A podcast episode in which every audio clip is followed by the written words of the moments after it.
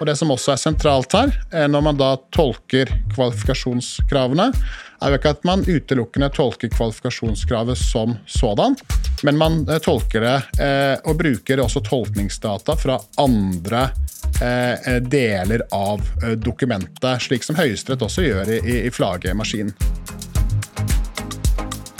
Hei og hjertelig velkommen til en ny episode av Anskaffelsespodden. En podkast fra advokatfirmaet Simonsen Fogtvik, hvor vi tar for oss aktuelle anskaffelsesrettslige tema for å gi deg som lytter en faglig oppdatering innenfor offentlige anskaffelser. Ta med deg podkasten der du er, gjerne ut på tur. Takk for at du lytter til Anskaffelsespodden. Vi håper å gi deg nyttig faglig påfyll på en kort og konsis måte. Jeg heter Nina Sørensen og er advokatfullmektig i Simonsen Fogtvik. Jeg jobber i all hovedsak med offentlige anskaffelser og bistår både private og offentlige klienter med problemstillinger knyttet til regelverket. Temaet for dagens episode er kvalifikasjonskrav og dokumentasjonskrav. Eh, temaet er praktisk viktig både for leverandører og for oppdragsgivere.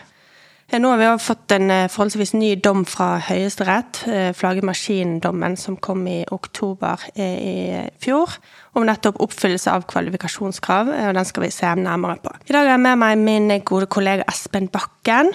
Velkommen, Espen. Veldig kjekt at du vil bidra. Vil du lytterne en kort introduksjon av deg selv? Naturligvis, det skal jeg gjøre. Jeg er jo da partner her i advokatfirmaet Simonsen Fugt Vik og har jobbet med eh, anskaffelser, konkurranserett og EØS-rettslige problemstillinger i ganske mange år. Startet i EFTA-domstolen i Luxembourg og også hadde en runde i EFTAs overvåkningsorgan ESA i Brussel. Så her bistår vi jo både private og offentlige aktører innenfor regelverket på offentlige anskaffelser. Så når det kommer til dagens tema, Nina, så er dette et praktisk viktig tema. Det gjøres ofte komplisert, men eh, vi kan forsøke å gjøre det litt eh, presist. Først skal vi se litt på bruken av kvalifikasjonskrav fra oppdragsgivers side. Eh, det er viktig å være bevisst på strategien her. Hvilken krav eh, bør stilles i den enkelte konkurranse? Hva vil man egentlig oppnå med kvalifikasjonskravene? Og hvilken dokumentasjon er det behov for for å faktisk vise at eh, det enkelte kravet er oppfylt? Ja, jeg tenker jo Overordnet, Nina, så, så, må man jo se på formålet med kvalifikasjonsfasen. og Det er jo først og fremst å sikre at eh, de som skal levere, eh, er egnet og i stand til å oppfylle kontrakten. Eh, og litt avhengig av hvilken type kontrakt vi snakker om, eh, så har man jo både tekniske, faglige, organisatoriske, økonomiske og finansielle krav. Men det som er litt viktig å, å, ta med seg, er jo at kvalifikasjonskravene er på mange måter minstekrav til leverandørene som sådan, og man vurderer ikke den tilbudte løsningen. Enten så er du med i konkurransen, eller så er du ikke med i konkurransen. Det er litt sånn eh, type vinn, vinn eller forsvinn. Og jeg tror nok at eh, med store kontrakter, og større kontrakter etter hvert, så er det også slik at eh, det er grunnen til at det ofte her det kommer en del tvister. Nettopp fordi at man ønsker å være med å spille, og ikke settes på sidelinjen. Når oppdragsgiver skal stille kvalifikasjonskrav, hvilke vurderinger bør oppdragsgiver gjøre? I den fasen? Altså, I utgangspunktet så er jo dette krav til leverandørene som skal delta i konkurransen. Det som man eh, fra tid til annen ser, er jo at eh, man egentlig har en sånn copy-paste fra forrige runde. Eh, hvor man rett og slett snur bunkeren, og så har man de samme kravene basert på en gitt standard. Det syns jeg er en dårlig idé. Når det er sagt, så er det nettopp det at man må gjøre en konkret vurdering for hver enkelt anskaffelse. Eh, det avhenger jo bl.a. også av markedssituasjonen. ikke sant? Eh, hvordan ser dette markedet ut? Er det få leverandører? Ja, Da må man jo vurdere om man skal være litt mer lempelig på kvalifikasjonskravene, nettopp for å skape konkurranse. Er det eh, mange leverandører i et marked, ja vel, så har man eh, muligheten til å stille strengere kvalifikasjonskrav nettopp for å, for å skjerpe eh, konkurransen, eller få en mer effektiv gjennomføring av konkurransen. I den situasjonen så har man jo også mulighet til å gjøre såkalte nedvalg eller utvelgelser eh, av eh, leverandørene eh, før man inngir tilbud. Da. Så Utgangspunktet her er jo at man må stille egnede krav, og man må stille proporsjonale krav. altså Man skal ikke stille strengere krav enn hva som strengt tatt er nødvendig. da. Ja, Det er jo viktig å være klar over at det er tid, både tidkrevende og ressurskrevende for leverandøren òg å skulle få på plass alle disse dokumentene og all dokumentasjon for alle kravene. Og det skulle jo bare mangle, selvfølgelig, men da er det jo viktig at det som eh, oppdragsgiver ber om, er faktisk eh, relevant da, for denne konkurransen. Og et spørsmål som stadig dukker opp i praksis, det er jo da støtte fra underleverandører for å oppfylle kvalifikasjonskrav. Det er òg et tema som i Eh, byr på utfordringer. Eh, når man f.eks. som oppdragsgiver mottar et, eh, en søknad, og så står det at vi skal bruke X underleverandør for sånn og sånn, og så er det uklart kanskje om er dette en underleverandør som er nødvendig for å, for oppfylle et kvalifikasjonskrav. Hva kan vi si om det, Espen? Ja, Det er jo et gjentagende spørsmål. Og også et praktisk viktig spørsmål. Hvis man skal ta ett skritt tilbake, så er det jo slik at det er eh, enten slik at man kan stå som leverandør selv. Eh, man kan stå som leverandør i et leverandørsamarbeid, altså man er solidarisk ansvarlig overfor eh, hoved, eller for oppdragsgiveren. Eller man kan etablere et type arbeidsfellesskap. Når vi snakker om underleverandører, må vi jo ta utgangspunkt i at du har en hovedleverandør opp mot oppdragsgiver, og så har du da slik at eh, det er en underleverandør som er tilknyttet for da å støtte eh, hovedleverandøren i kvalifikasjonsfasen. Eh, det kan enten være for å oppfylle kvalifikasjonskravene, eh, eller det kan være for å gjøre tilbudet eh, bedre. I praksis så er det en del forvirring her, dette med ESPD-skjemaer osv., og også for underleverandøren. Men det jeg ber eh, leverandørene være oppmerksom på her, det er jo denne grensen man har mot eh, konkurranseretten og konkurranselovens paragraf 10, altså ulovlig anbudssamarbeid kontra eh, lovlig prosjektsamarbeid, og også dette med å, å binde opp underleverandører eh, knyttet opp imot eksklusivitet, særlig i markeder hvor det er konsentrert. Det er en vurdering som må gjøres før man rent faktisk gjør det. Så har vi jo det praktiske spørsmålet også, eh, dette med ESPD. Og det er jo en liten kjepphest som jeg har. Eh, formålet med å gjennomføre disse ESPD-skjemaene Nina, det var jo å forenkle prosessen. Eh, vi ser jo at nå så er det jo slik at dette blir egentlig bare et ekstra dokument i hele dokumentbunken som skal sendes inn. Og det er jo en liten utfordring. Men det vi har hatt noen saker på, det er jo dette med ettersendinger av ESPD-skjema for underleverandører og ettersendelse av forpliktelseserklæringer for underleverandører. Og, og, der har vi jo denne etterskjennelsesadgangen, som da for del tre i hvert fall ligger i 23.5 eh, i eh, forskriften, altså anskaffelsesforskriften. Eh, og der er det vel også ganske klart at eh, i den grad man i det opprinnelige tilbudet eh, har angitt underleverandører, og det mangler et SPD-skjema, så er det også slik at man har anledning til å ettersende dette. Det har vi jo en KOFA-sak på også, fra 2020. Men husk at nummeret var 254. Eh, når det er sagt, så, så tenker jeg også at uh, i den grad det ikke går klart frem at du skal bruke underleverandører, eller du ønsker å skifte ut underleverandører uh, i, i, konkurransefasen, ja, så er ikke det anledning til. Så i den grad du f.eks. ønsker å tilknytte deg en underleverandør etter at du har levert kvalifikasjonssøknaden, Eh, ja vel, det er ikke det anledning til det, ei heller da oss ettersende et ESPD-skjema eh, e for vedkommende eh, underleverandør. Men det det altså er anledning til, det er å ettersende ESPD-skjema eller forpliktelseserklæring fra en underleverandør som det fremgår av kvalifikasjonssøknaden at skal brukes for å støtte hovedleverandøren. Og så har man glippet på dette med skjemaet og formalia, om vi skal si det sånn, og da er det adgang til å ettersende. Det er helt eh, riktig, Nina, og det følger jo også av 23.5 eh, eh, i forskriften. Det som er begrensningen der, det er jo nettopp at du ikke kan forbedre tilbudet ditt. Men som du, som du vet, og jeg vet, at 23.5 kunne vi snakket lenge om. Vi skal avgrense mot det her, kanskje. Hvis vi går et hakk videre til eh, dokumentasjonskravene, det er altså det som skal vise at enkelte kvalifikasjonskrav er oppfylt fra leverandørens eh, side. Og Her er det flere spørsmål som oppstår. Hvilken dokumentasjon er, eller hva er godt nok for at enkelte kravet skal være oppfylt? Det, blir jo, kommer på spissen i mer sånn skjønnsmessige krav. Hva skal til for å oppfylle krav til f.eks. tilstrekkelig erfaring med X eller relevant erfaring med sammenlignende oppdrag. Eh, F.eks. har man et veiprosjekt med en tunnel og en bro, for å ta et enkelt eh, eksempel. Og så har en leverandør kun vist referanseprosjekter med tunnel. Ja, Er det da sammenlignbart hvis man ikke har erfaring med bro? Og så har vi jo spørsmål om når må kravet være oppfylt, og det er jo, det er jo litt enklere å svare på da enn det forrige. Eh, det er det jo. Eh, vi kan jo ta det siste først. Eh, når kravet må være oppfylt. Dette er jo krav til leverandøren for at oppdragsgiver skal vurdere om leverandøren er egnet og er i stand til å utføre kontrakten.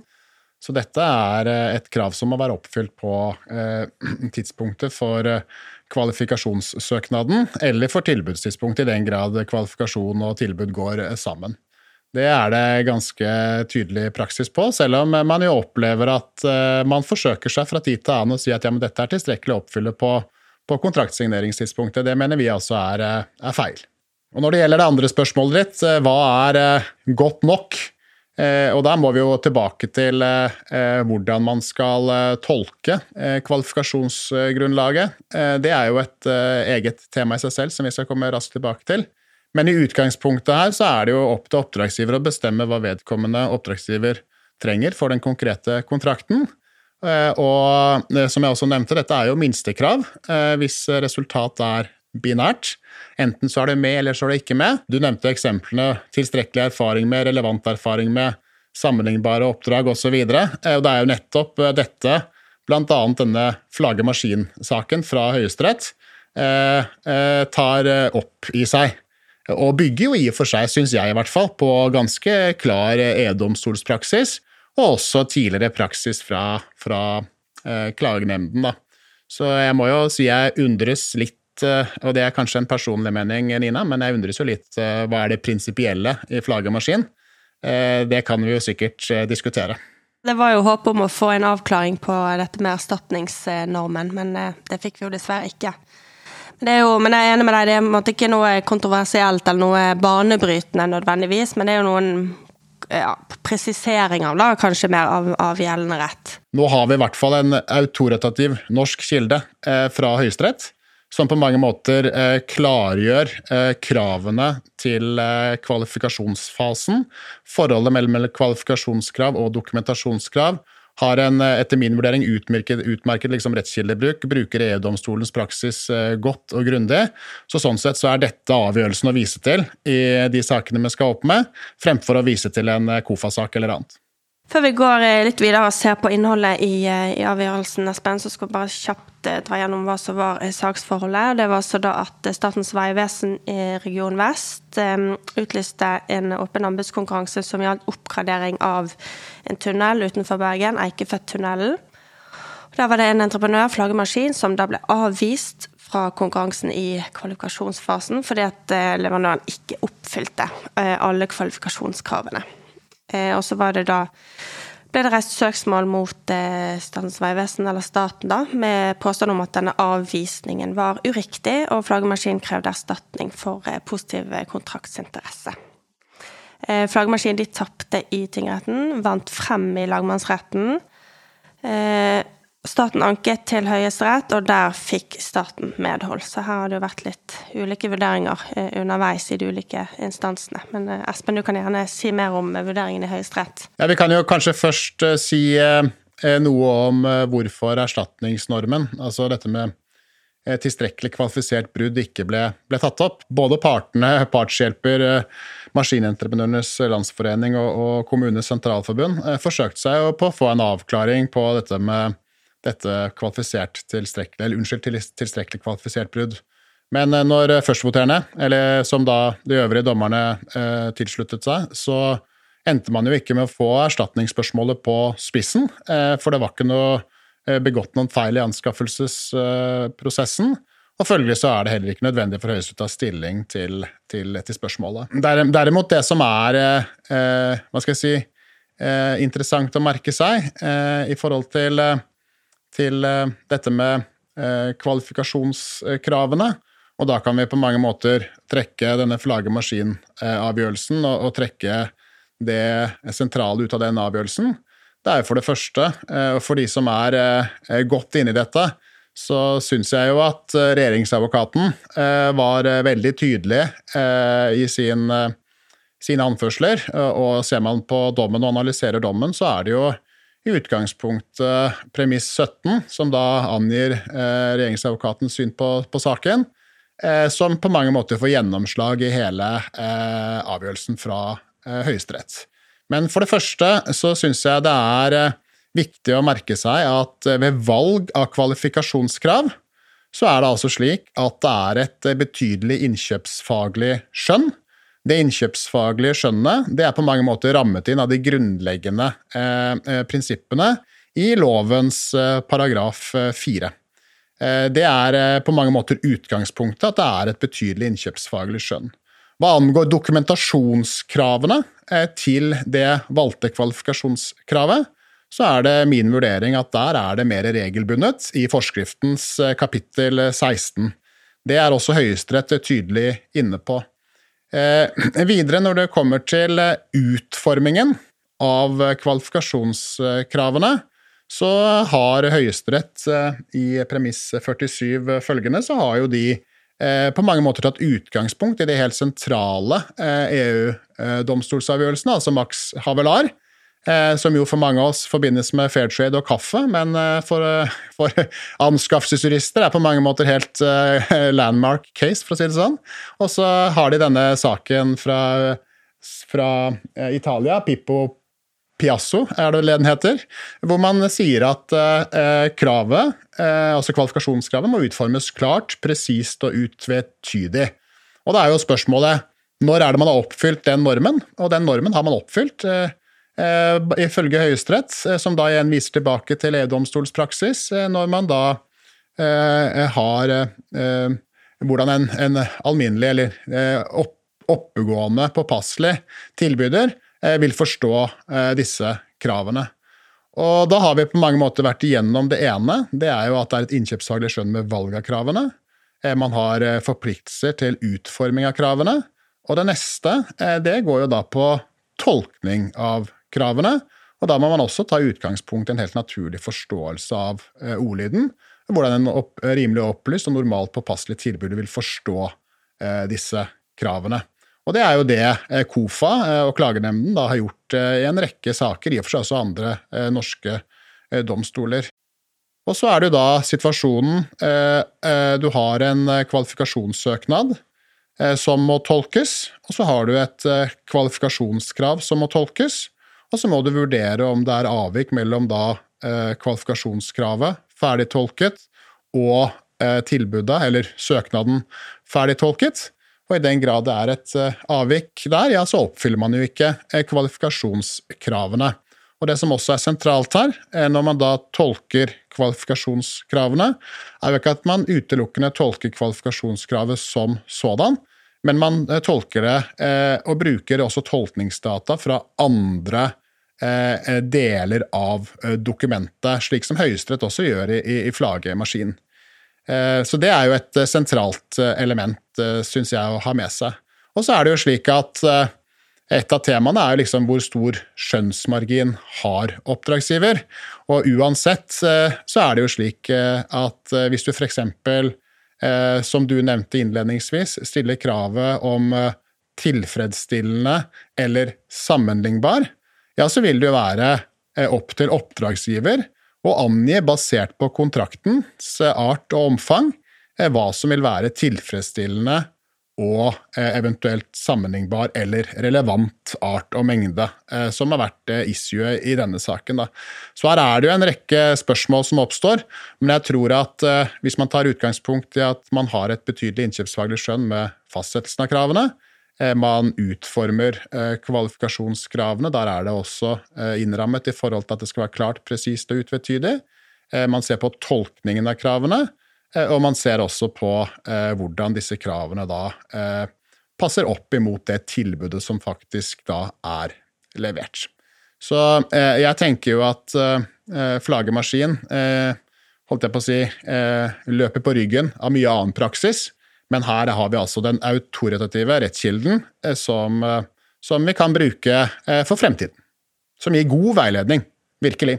Hva betyr denne dommen for leverandørene? Sant? Nå ser vi litt, nå har vi sett litt fra oppdragsgivers side, og det skjønnsrommet oppdragsgiver har til å fastsette kravet. Men hvis vi ser dette fra leverandørenes side, hva, hva kan man da som leverandør ta med seg? For leverandørsiden så handler det på mange måter om å ha et bevisst forhold til hvilke krav som rent faktisk stilles.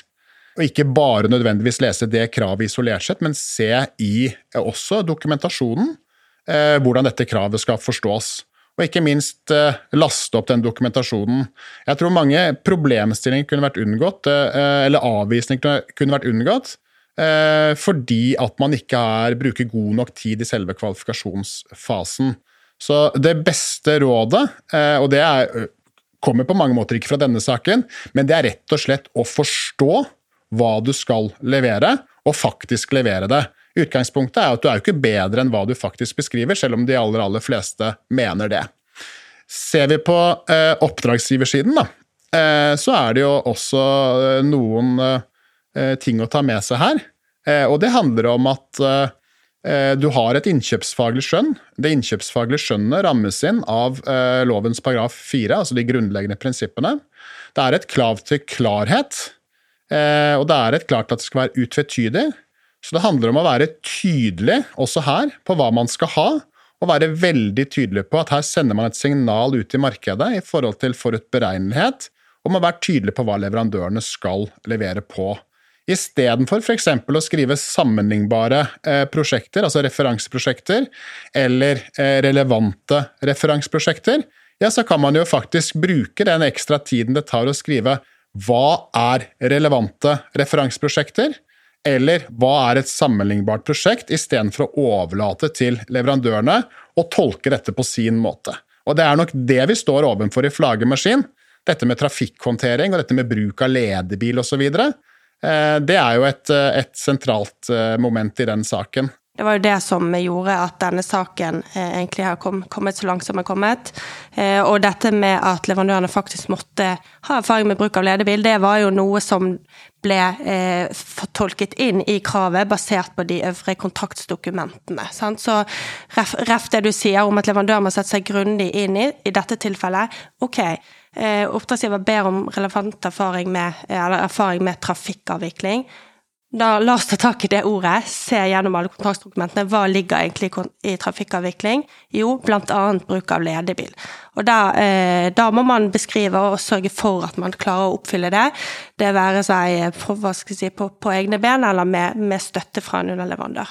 Og Der tar du opp et viktig poeng, ikke sant? fordi at Eh, og det har jo vært eh, praksis tidligere også, men eh, kommer nå også ganske klart frem i denne flagget maskindommen, er jo at i den grad du skal bruke, eller kvalifisere deg inn da, med bruk av underleverandører, eller i denne saken var jo ikke ved bruk av underleverandører, nettopp fordi man mente man hadde erfaringen selv, så er det jo viktig at det er du som hovedentreprenør som har gjort den jobben.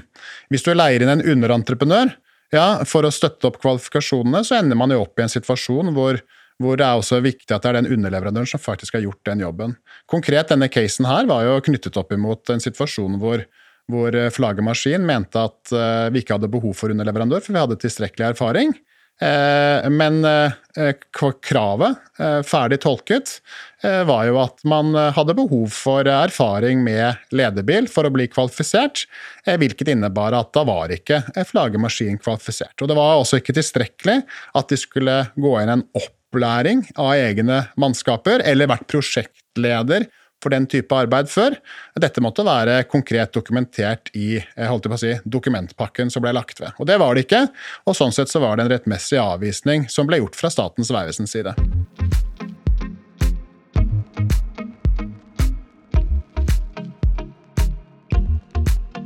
Da nærmer vi oss slutten på dagens episode, Espen. Takk for en interessant gjennomgang av eh, dagens tema, kvalifikasjonskrav, og en interessant eh, gjennomgang av en eh, interessant dom.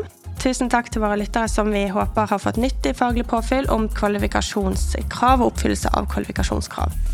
Husk å følge Anskaffelsespodden enten på Spotify eller Apple Podcast for å få med deg de siste episodene. Har du spørsmål til Anskaffelsespodden eller temaforslag, send oss gjerne en e-post til podkastalfakrøllsvw.no. Kjære lytter, jeg ønsker deg hjertelig velkommen til neste podkastepisode. Ha det bra. Ha det bra.